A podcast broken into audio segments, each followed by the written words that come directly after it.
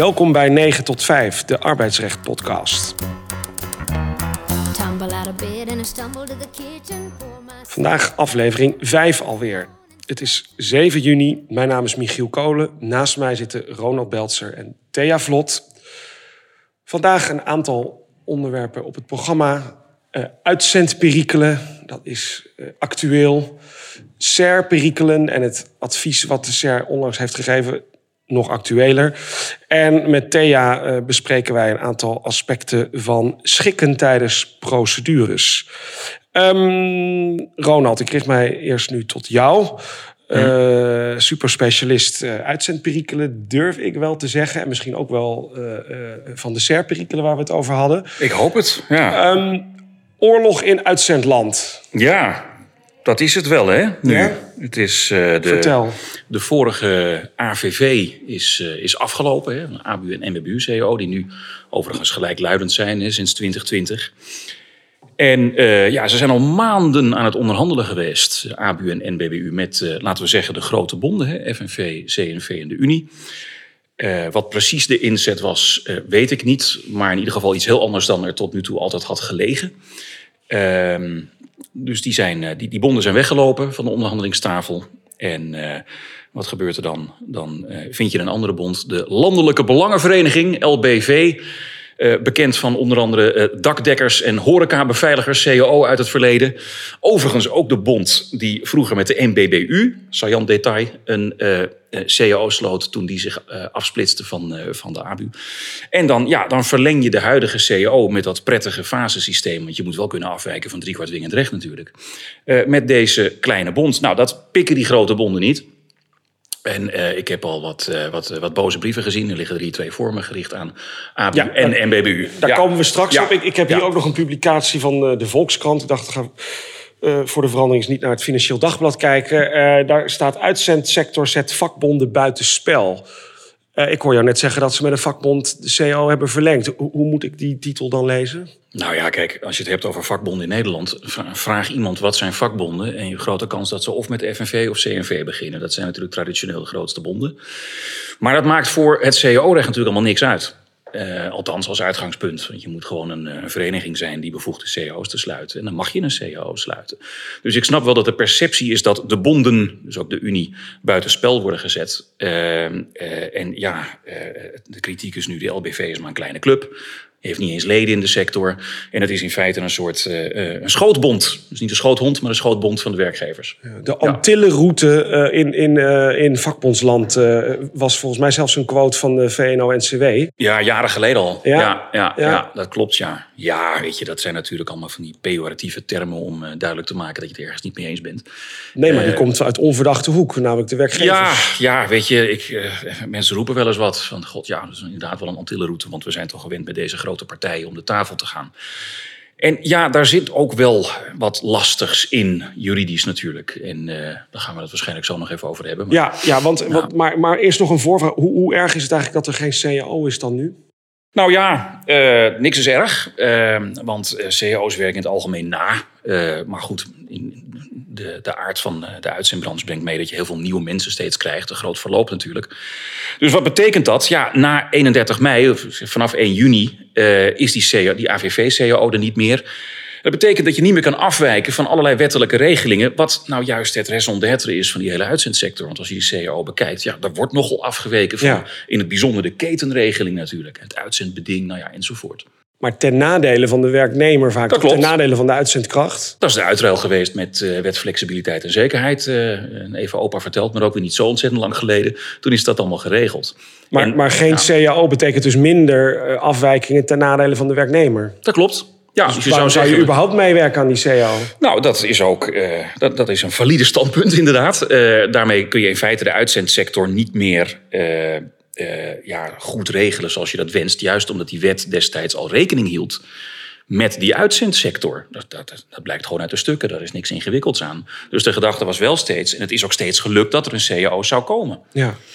Ja. Want zo, zo bezien, hè, ik, ik heb, jij refereerde al, ik heb hier even ook die, die sommatiebrief van FNV, CNV en de Unie eh, eh, voor me liggen. Die zijn natuurlijk des duivels. Die zeggen, ja, wij zijn niet voor niets weggelopen van die onderhandelingstafel. Niet omdat we dat leuk vinden, maar omdat we eigenlijk een betere CAO Ja. voor onze leden willen. En eh, nu wordt er eventjes op een achternamiddag... wordt er met een, een, een, een obscure club... Wordt, er een, wordt dezelfde CAO verlengd voor vier maanden. Ja. Begrijp jij iets van die boosheid?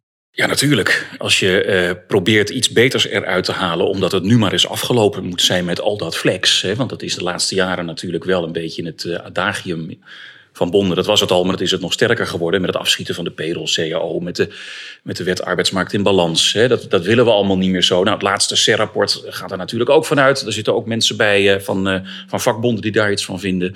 Dus ja, ik snap die boosheid wel. Thea, jij wou ook even wat zeggen. Nou, ik vroeg me af of die bonden dat niet eigenlijk gewoon heel erg hadden kunnen zien aankomen met hun weglopen. Dat die LBV erin zou springen. Want dat is toch geen nieuwe partij? Dat is op Nee. zich een goed punt. Ze, ze sluiten vaker cao's. Ik heb eventjes gekeken. Volgens mij zijn ze wel partij bij een cao. Of 10, 15. Ja, klopt. Het is ook weer Payroll, niet... eh, payroll cao ook, geloof ik. Ja, Ooit. nou meestal bij een beetje de wat, wat minder betaalde banen, om het zo te zeggen, zijn zij eh, vaak partij. En eh, ik weet niet of het toeval is, maar hun website ziet er best gelikt uit. Dus het is wel echt, nou ja, het, het is denk ik wel een vakbond. En hoe nu in die brieven boos wordt gesteld dat het geen onafhankelijke bond is, ja, Ja. weet je dat.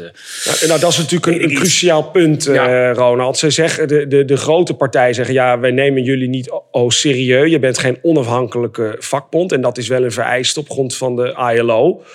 om een rechtsgeldige CAO te kunnen sluiten. ja, je moet, on- je moet onafhankelijk zijn. Het Maar, moet onafhankelijk ja. zijn. Het moet Ja. niet een soort ja, schootbond, wat je zei. Ja. Hoe zie je dat? Nou ja, ik, ik, ik weet niet of je dat zo gemakkelijk kunt zeggen. Kijk, onafhankelijk betekent dat je inderdaad niet op schoot van de werkgever zit... of volledig afhankelijk bent van financiering van diezelfde werkgever. Nou, we weten allemaal dat veel vakbonden, deels in ieder geval... wel afhankelijk zijn van die financiering. Een vakbondstientje is natuurlijk al geen tientje meer. Eh, maar, en aan de andere kant, eh, maar ik speel nu even advocaat van eh, onze landelijke belangenvereniging. Ik geloof dat ze tussen de 10.000 en de 20.000 leden hebben die allemaal contributie betalen. Dus ik, ik ben er nog niet van overtuigd. Ik vind de, de redenering tot nu toe van de grote bonden niet sluitend om de LBV eh, eh, ja, weg te zetten als, eh, als een niet onafhankelijke vakbond. En daarnaast hoor ik jou ook zeggen dat, eh, of zo begon je geloof ik, in, in ieder geval in de wet CAO is dat niet, ook niet een uitgesproken eis. hè? Helemaal niet. Nee, we hebben wel natuurlijk in 2015 een aantal bepalingen in de wet gekregen waar, eh, ja, waarin we yellow unions wilden voorkomen. Hè. Dus de nieuwe bepalingen die erin kwamen, niet de oude helaas. Ja, daarin stond toch vaak, je moet twee jaar bestaan hè, eh, om überhaupt dit soort afwijkingen af te spreken. Nou, we kennen het toetsingskader AVV, we hebben nog wat regelingen die eh, die, die eis stellen.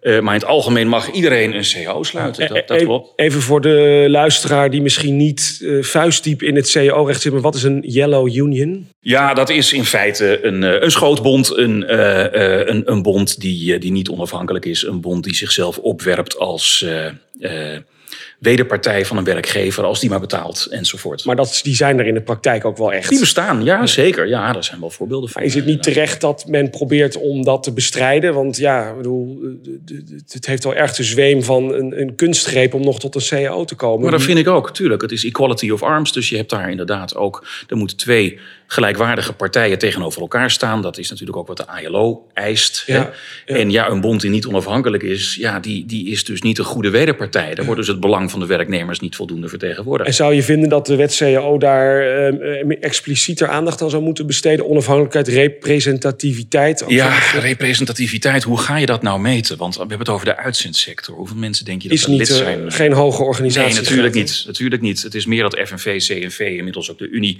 op landelijk niveau worden gezien als representatieve bonden. Dan moet je naar zo'n systeem. Frankrijk heeft dat. Dan kunnen bonden zich aanmelden. En die kunnen dan op nationaal niveau meepraten over van alles en nog wat. Maar dat hebben wij niet. Hey, en nog even, eh, we hebben nu dus eh, een CAO-loze periode, althans die dreigt. Nou ja, alleen als, de, als deze verlenging niet doorgaat. Ja, ja, ja. ja. Ja. Eh, stel dat dat zou zijn, dan kan je dus niet ten nadele van de werknemer Ja. afwijken. ja. Eh, als we daar proberen nog iets dieper op in te zoomen, kan dat ook niet als er een incorporatiebeding in die arbeidsovereenkomsten staat? Waar zo'n afwijking eh, eh, wordt toegestaan door een verwijzing naar een CAO, Ja. waarin die. nou, er moet er wel zo'n CAO zijn. En die CAO moet, maar dat is mijn opvatting, ook geschreven zijn voor jou. En de werkgever moet aangesloten zijn. Dus het moet wel een, een CAO zijn waaraan de werkgever zelf gebonden is. Zoals in de zaak TPG Bollemeijer voor de juristen onder ons. Ja, dat is natuurlijk een, een beruchte zaak uit Ja. 2004, 2002, 2004. Nou, in ieder geval al, al relatief lang geleden. Ehm, waar ik begrijp dat ook wel verschillend over gedacht wordt wat er nou precies speelde. Hoe, hoe interpreteer jij die zaak? Nou ja, ik interpreteer hem eh, eigenlijk eh, zoals de en feiten... ja, zo, ja, snap ik. Zoals de feiten er liggen. En het ging hier om een werkgever die gewoon gebonden was aan de CAO. En, eh, en dan moet je er ook niet meer in lezen dan, dan er staat. En dat is natuurlijk iets wat wij juristen veel doen. We gaan vrijuit filosoferen over wat allemaal betekend zou kunnen hebben. Maar we hebben gewoon te maken met een gebonden werkgever. Maar als die werkgever gebonden is, waarom was die werknemer dan niet automatisch gebonden? Hoe zat dat ook alweer? Omdat die niet gebonden is aan de CAO als zodanig, maar alleen aan een incorporatiebeding dat verwijst naar de CAO. En dat is dus een schriftelijk beding, een incorporatiebeding. En niet een CAO-bepaling als zodanig, want hij was geen lid. Dus dan zou je zeggen, het is geen afwijking van drie kwart dwingend recht. Want die werknemer is maar, ja, die is alleen maar gebonden door een incorporatiebeding. En dat is geen CAO-bepaling. Maar is het niet Dat is de zo dat een gebonden werkgever de CAO sowieso op ongebondenen moet toepassen? Dat klopt, eh, dat moet ook, maar daar moet je dus wel een truc voor verzinnen. En dat heet een incorporatiebeding. En die, dat is in feite door de Hoge Raad in Bollemeijer TPG gesoffeerd. Dat is hoe het zit. Dus, maar zonder incorporatiebeding eh, kan je die CAO niet toepassen op de ongebonden werknemer. Nou ja, dat is de bekende Is dat zo? spagaat. eh, dat je als werknemer dan eh, eh, zoiets zou kunnen weigeren. Eh, of inderdaad dat het op jou niet mag worden toegepast. Ik weet niet hoe de Hoge Raad zal omgaan met een stilzwijgende aanvaarding. Ik denk dat dat ook wel doorkomt in navolging van TPG Bollemeijer. Ehm, daar zit inderdaad wel iets, iets, iets lastigs. Hè? Want als zo'n werknemer dat vervolgens niet accepteert... ja, en je moet wel de CAO toepassen. Hoe ga je daar dan mee om? Ja. Maar goed, het is niet een soort van eh, de, de truc van ik ben een niet gebonden werkgever en ik incorporeer een wezensvreemde CAO en ik ga lekker eh, afwijken van driekwart dringend recht. Zo moet je die uitspraak absoluut Nee, lezen. dan, dan hebben we de uitzend-CAO voor heel Nederland. Als, als dat zou mogen. Dan gaan alle ongebonden werkgevers gebruik maken... of zelfs cherrypicken uit verschillende CAO's. Nou, dat, dat kan nooit de bedoeling zijn. Het is een afgewogen pakket. Hey, en nog heel even, er liggen hier ook twee brieven die zijn gewoon te downloaden vanaf de site van de vakbonden. Hè. Dat zijn sommatiebrieven. Ja. Sommatie aan de minister om die, om die kennisgeving eigenlijk in de prullenbak te gooien. En eh, Ja. of dat ver- eh, niet die kennisgeving van ontvangst te verzenden. Hoe, hoe, eh, hoe kansrijk acht jij zo'n zaak? Wat, voor zaak zou dat zijn? Waar moeten we dan aan denken? Wat gaan die bonden doen? Zijn ze al bezig met voorbereiden? Wa- Wat, wat... Nou ja, die brieven liggen er. Ze, vragen, ze, ze zoeken natuurlijk de publiciteit op hiermee. Dat begrijp ik ook wel. Ehm, er zijn mij geen zaken bekend waar een minister zoiets heeft geweigerd. Wat zou de grondslag daarvan moeten zijn? Die moet gewoon kijken of die CEO op juiste wijze tot stand is gekomen. Er wordt wat geschermd met het ILO-verdrag, dat begrijp ik. Dat betekent dus ook dat je moet kunnen aantonen dat het niet om een eh, onafhankelijke bond gaat. En zoals ik ja, net, al, net al zei, volgens mij is dat onvoldoende onderbouwd momenteel. Dus ik zie eerder civielrechtelijk mogelijkheden dan eh, publiekrechtelijk. Maar dit is civielrechtelijk toch? Want zij sommeren de minister om die kennisgeving niet te versturen. Ja, maar dat valt volgens mij onder het bestuursrecht. Om- eh, omdat dat wordt aangemeld natuurlijk. En dat is, de minister heeft een bepaalde bevoegdheid. En die geeft die kennisgeving af. Eh, vraag me niet naar de details op dit punt. Maar ik bedoel met civielrechtelijk meer dat eh, eh, er in de rechtspraak wel voorbeelden zijn dat een CAO niet wordt toegepast op bepaalde werknemers. Bijvoorbeeld leden van FNV en CNV en de Unie kunnen zeggen: ja, luister eens even. Hier heb ik niet voor getekend. Hè? Dus ik, ik, eh, of mensen met een incorporatiebeding. eh, ja, toen ik dat tekende, hoefde ik er geen rekening mee te houden dat er een CAO zou komen met de LBV. Ja, want daar is, Dat wel kan. rechts- daar is rechtspraak over. Daar is hè? rechtspraak dat je zegt, over, van, Dat zeker. hoef ik niet Ja, eh, tegen me te laten gelden Ja, eigenlijk. ja Hennis en Maurits, HEMA, een paar horecazaken. Op verschillende gronden is dat, is dat inderdaad toegewezen. Zo'n verzoek van die CO is niet van toepassing. En denk je, want eh, ze hebben nu de, die, die landelijke belangenvereniging... eh, ja, die heeft zich eh, bereid verklaard om vier maanden die CAO te verlengen. Wat denk je dat er na die vier maanden gebeurt? Ook misschien in het licht van dat SER-advies... waar we het ook nog even over gaan hebben. Kijk, het is natuurlijk bedoeld om geen CO-loze periode te krijgen. Nou, de, de, de gedachte is dat we in die vier maanden ook weer een hele hoop kunnen doen. Dus de hoop is natuurlijk bij alle partijen ja, dat het overleg kan doorgaan voor een goede CAO. Ik denk dat het niet in het belang is van ABU en NBBU om definitief deze drie grote bonden de deur te wijzen. Dus ze hebben gewoon een, ja, een cowboyachtige actie uitgehaald, zo zie ik het wel in feite, door met de LBV in zee te gaan om maar te voorkomen dat er ineens een enorme discrepantie zou ontstaan tussen de situatie voor 1 juni met al die afwijkingen met het fasesysteem, verlengde uitzendbeding, bla bla bla, en daarna. Tactische meesterzet? Of... Nee, niet in het bijzonder. Want als je ziet wat ze overhoop hebben gehaald. Maar ja, er was ook natuurlijk weinig alternatief. Dus dan is het, dan is het wat, wat vind je zwaarder wegen? De verstandhouding met de bonden of eh, dat je door kunt gaan met deze CO? En denk je dat die bonden zich hebben laten verrassen door de LBW? Of dat ze misschien nu ook denken, dit is voor ons een mooie kans om die cases naar de rechter te brengen? Over, Ja, die, over die onafhankelijkheid. Dat, dat, dat weet ik niet. Ik denk dat, eh, ik denk dat op een gegeven moment wel de situatie zo was dat bonden hier rekening mee hadden kunnen houden. Ja. Dat zie ik wel voor me. Ja. Dus over vier maanden eh, moeten we kijken hoe het... eh, Hoe de, vlag hazen erbij Ja, ja, precies. Ja, de tweede deel van deze podcast eh, spreek ik met Thea Vlot, advocaat in Amsterdam natuurlijk. Thea, Ehm, jij zei ook ter voorbereiding op deze podcast... ik wil het wel eens hebben over het thema schikken in de rechtszaal. Dat is misschien ook wel erg voor fijnproevers, maar kan ook wel interessant zijn. Want het, in ieder geval iedereen die wel eens in de rechtszaal is geweest... die kan zich hier wel iets bij voorstellen. Wat was het punt wat jij met name wou bespreken? Eh, ik weet niet of het voor fijnproevers is. Het is eh, wel voor advocaten, maar het is ook voor cliënten. Want ehm, ja, die eh, maken dat ook mee. Hè? Soms tegen wil en dank. Dat ze in één keer in een schikkingssituatie terechtkomen. Ja. Terwijl ze tot op de tanden gewapend met hun hele verhaal en hun statements eh, bij de rechter komen. En dan komen ze eh, toch ineens of niet ineens eh, in een schikkingssituatie terecht. Ehm, is dat jouw ervaring? Dat, want je gaat toch naar de rechtszaal omdat je er niet uitkomt? Ja, nou, dat is, eh, dat is inderdaad een van de gedachten die ook wel eens bij mij opkomen. Kijk, we hebben natuurlijk de afgelopen, ja, weet ik veel, tien jaar of zo, hè, zie je dat rechters meer de opdracht krijgen of met elkaar hebben afgesproken of de wens hebben om ook een schikking te beproeven in een, eh, tijdens een zitting. Ehm, dat past ook wel bij de gedachte hè, van andere eh, eh, oplossingen. Hè. Alternative dispute resolution. We hebben Precies, mediation. ja. We hebben allerlei andere vormen Ja. om geschillen te beslechten. De gedachte daarbij is geloof ik dat het toch ehm, ja, voor partijen acceptabeler is en bevredigender is om zelf meegewerkt te hebben aan een uitkomst dan wanneer die die eenzijdig op laat leggen. Met alle risico's natuurlijk ook van dien. Dus ook rechters zijn daar eh, stappen in gaan zetten. Ehm, volgens mij is het idee eh, dat ze eh, in ieder geval als onderdeel van een zitting ook de vraag stellen: is er nog een mogelijkheid of is er nog belangstelling eh, van eh, beide kanten om over de schikking te praten? Nou, op zich is dat natuurlijk een prima vraag, lijkt Ja. mij. Ehm, maar het kan ook wel eens in mijn ogen de overhand krijgen. Ja. En precies wat jij zegt, hè, eh, cliënten zijn ja, vaak in een procedure terechtgekomen, bewust. Hè, want je kan natuurlijk ook schikken voordat je in een procedure terechtkomt. Dat is dan niet gelukt, of ze wilden het niet, of het, het kon niet, of een van twee deed niet mee, of wat dan ook. Dus dan ga je naar de rechter, ja, toch vanuit de gedachte, nou ja, dan moet die het maar zeggen. En vervolgens kom je dan in de situatie dat die rechter zegt van ja, maar heeft u al over schikken nagedacht? En vind je dan dat ze dat nog wel eens net iets te makkelijk of te snel voorstellen? Ehm, nou, ik vind het wel eens iets te dwingend. Ehm, ehm, ja, de cliënten zijn toch wel in zekere mate geïmponeerd hè, op zo'n op zo'n zitting. Hè. Er zit daar één rechter, als je het over een kantonrechter hebt, wat je natuurlijk bij arbeidszaken meestal hebt, zit daar één rechter. En ja, die zegt dan bijvoorbeeld, eh, eh, hè, om die schikking te beproeven, van nou, ik weet niet zeker of u dit helemaal gaat redden. En is het misschien een goed idee om toch nog eens over een schikking te spreken. Cliënten voelen dan van, oh, ik ga het misschien wel niet helemaal redden. Terwijl ik ze dan bijvoorbeeld heb gezegd, nou, ik denk dat je dit wel gaat redden. Dus die kijken mij dan aan van, hé, hey, dit gaat mis, hè? Dus Ja. je moet ze daar echt op voorbereiden. Nou, dat is prima, want dat doe je dan.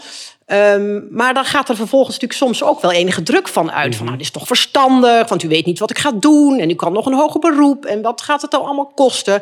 Dus er komt eh, ja, toch wel vaak druk bij. En die vind ik ook wel een beetje oneigenlijk. Hè? Omdat de rechter natuurlijk toch de baas is in zijn Ja. eigen rechtszaal. Ja. En dat voelt ook iedereen zo. Hè? Wat ook Dus wel zo is- hoort natuurlijk. Zeker, maar dit is niet echt een gelijke strijd natuurlijk. Hè? Nee, kijk, als de, als de rechter het zegt, dan maakt dat meer indruk dan als de wederzijdse advocaten het zeggen. Ik ben Zo zelf ook het. advocaat, dus dat, merk je wel. Eh, Ja. eh, wat ik er zelf tegenin kan brengen, ik ga ook wel eens procederen, omdat ik denk, nou, het schikken lukt nu niet. Ja. Maar als we op de Parnassusweg hè, of waar dan ook zitten, dan Ja. lukt het wel, omdat juist die rechter erbij zit. Dus die, Zeker. het Ook is waar. soms ook wel goed dat ze het voorstellen. Ik vind het ook goed dat ze het voorstellen. Eh, soms helpt het inderdaad, hè, als het hele verhaal eruit is, zeg maar, hè, bij de rechter. En die heeft geluisterd. Hè, dan ontstaat er vaak natuurlijk toch ruimte eh, hè, om over die vraag na te denken. En wat inderdaad zonder de rechter niet lukt, dat lukt eh, nou, soms makkelijker met de rechter erbij. Maar het gaat er natuurlijk om. Het punt is, eh, ja, als je niet wil, hè, of, of, of, of als het een beetje oneigenlijk wordt. eh, dan klopt het eigenlijk niet meer, vind ik. Hè? Want dan zegt zo'n rechter bijvoorbeeld, hè, omdat hij dan toch denkt van, nou, het is misschien een goed idee om dit te gaan proberen, zegt zo'n rechter bijvoorbeeld, ik weet niet of u het redt met uw ontslag op staande voet, hè, om maar even een voorbeeld te geven. En dan heb je dus die cliënt net geadviseerd, hè, uitvoerig van tevoren, dat ga je redden, dat Ja. ontslag op staande voet. Ja. Maar dan kan die rechter natuurlijk niet zeggen, u gaat het redden en wilt u schikken, want ja, als je dat hebt gezegd, lukt het niet meer. Dus dan gaat die rechter zeggen, ik weet niet of u het redt. En dan denk je, nou, hartelijk dank hiervoor. Ja, vooral die bij een cliënt ontslag denkt nu op- van, wat heb ik voor een advocaat? Ja, voor een ontslag op staande voet is dat natuurlijk eh, dat is wel een goed voorbeeld. Want je kan niet een beetje op, Precies. op staande voet ontslaan. Het is Ja. alles of niks. Ja. Nou, ik had laatst bijvoorbeeld, eh het ging over de vraag... is het een arbeidsovereenkomst of is het een overeenkomst van opdracht? Ja. Nou ja, dat is er ook zo één. Hè? Want wij, vrij actueel Wij zeiden, zeker, wij zeiden het is een overeenkomst van opdracht. ja. Eh, en dat was het ook en dat was heel duidelijk. Ehm, maar de Toch vorderingen van de wederpartij gingen natuurlijk volledig weg als de rechter zou zeggen: ja, nee, dit is natuurlijk geen arbeid. Dus die rechter zei: ja, ik weet het niet, ik weet het niet. En die cliënt van mij, die, die zag ik helemaal wegzakken. Die, dat dat gaat toch, is toch niet waar dat we dit niet redden? En dat was natuurlijk alleen maar bedoeld ja, om een schikkingssfeer te Ja. creëren. En dat is, vind ik dan toch niet helemaal. Maar ik hoor je ook een zeggen, het drijft een beetje een wicht tussen de relatie advocaat-cliënt. Ja, af en toe. kan, dat kan. Ja. Dus ja, dan, ik, ik besteed dus een eh, substantiële hoeveelheid tijd voor een zitting om uit te leggen dat dat misschien wel gaat gebeuren. En dat mensen zich daarop moeten voorbereiden en er niet van moeten schrikken. Want dat niet alles wat die rechter zegt hè, om je tot een schikking te krijgen ook waar is. Of dat dat ook de uitspraak zal zijn. Maar zeg Ja, je ook wel eens als advocaat van... nou meneer of mevrouw de rechter, eh, ik snap dat, waar u nu naartoe wil... maar wij willen echt heel graag een uitspraak. Want eh, dan, de meeste rechters zeggen dan ook... Hè, dat, dat, dat zeggen ze ook altijd verplicht. Ja. Als u wil maak ik een vonnis of een beschikking. Dat is mijn werk, maar...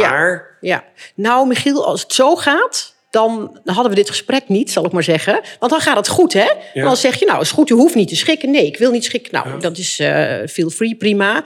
Maar het punt is natuurlijk, als er meer druk op komt, hè, dan, dan is het gewoon niet meer helemaal eerlijk. En dan denk ik, ja, dan zit die ene rechter hier in zijn rechtszaal de baas te spelen. En wij zitten hier toch een beetje voorzichtig te zijn. Want we willen natuurlijk niet dat die rechter eh, eh, een hekel krijgt aan ons, zal ik maar zeggen. Nee, dat is, je Dus wil de rechter niet voor het hoofd Nee. stoten. Dat is altijd wat Dan advocaten natuurlijk heel een beetje eh, scherp op zijn. Dat Ja. je dat niet wil. En bij hoven maak je het ook nog wel eens mee. Hè? Dat, dat vind ik dan persoonlijke nood eigenlijk nog gekker. Want dan heb je al in eerste aanleg Ja. geprocedeerd. En dan vragen ze, wilt, wilt u weer schikken?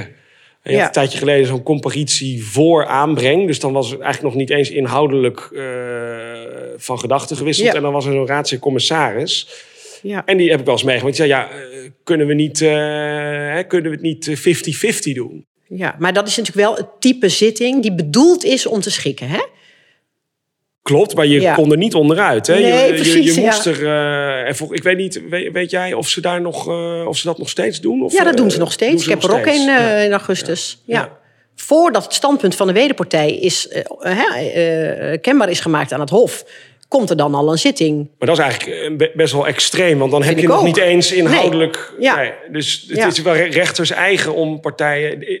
Denk je dat het stiekem, misschien een beetje een aparte vraag, stiekem te maken kan hebben met de druk op de rechterlijke macht, dat ze eigenlijk liever geen uitspraken willen schrijven? Dat kost natuurlijk veel tijd. Ja, wie zal het zeggen? Wie zal het zeggen? Ja, het, ja ehm, soms denk je dat wel. Van ja, je bent nu zo dicht bij een schikking. Nu vindt iedereen het zonde. En de rechter misschien ook om zijn of haar redenen vindt het ook zonde als het dan niet lukt. En dat is eigenlijk toch niet helemaal correct. Want ja, je gaat meestal toch vooral procederen omdat je een juridisch oordeel wil. Omdat je zelf niet tot een schikking bent gekomen. Dus ik vind de druk soms iets te hoog. En je, je tip, als ik dat zo mag samenvatten, eh, je klant heel goed van tevoren voorbereiden als advocaat of jurist. Ja, ja, dat helpt wel enorm, vind ik. Hè. Ik bedoel, dit probleem, probleem, voor zover het een probleem is, kan ik ook niet echt oplossen, maar ik kan er wel op voorbereiden. En dat helpt wel eh, voor cliënten ook. Want dan kijken ze een beetje aan van, oh ja, dit, dit is hem. Hè? Ja, dit is hem, ja. Dit was de vijfde aflevering van 9 tot 5, de Arbeidsrecht Podcast. U kunt onze podcast beluisteren via www.9tot5podcast.nl. En daar kunt u ook relevante informatie vinden over wat wij vandaag hebben besproken. De podcast kan ook beluisterd worden via de bekende kanalen van Spotify en Stitcher. Dank Ronald Belzer en Thea Vlot voor jullie scherpe blik. Mijn naam is Michiel Kolen en wij zijn over twee weken bij u terug in een andere samenstelling. Tot dan.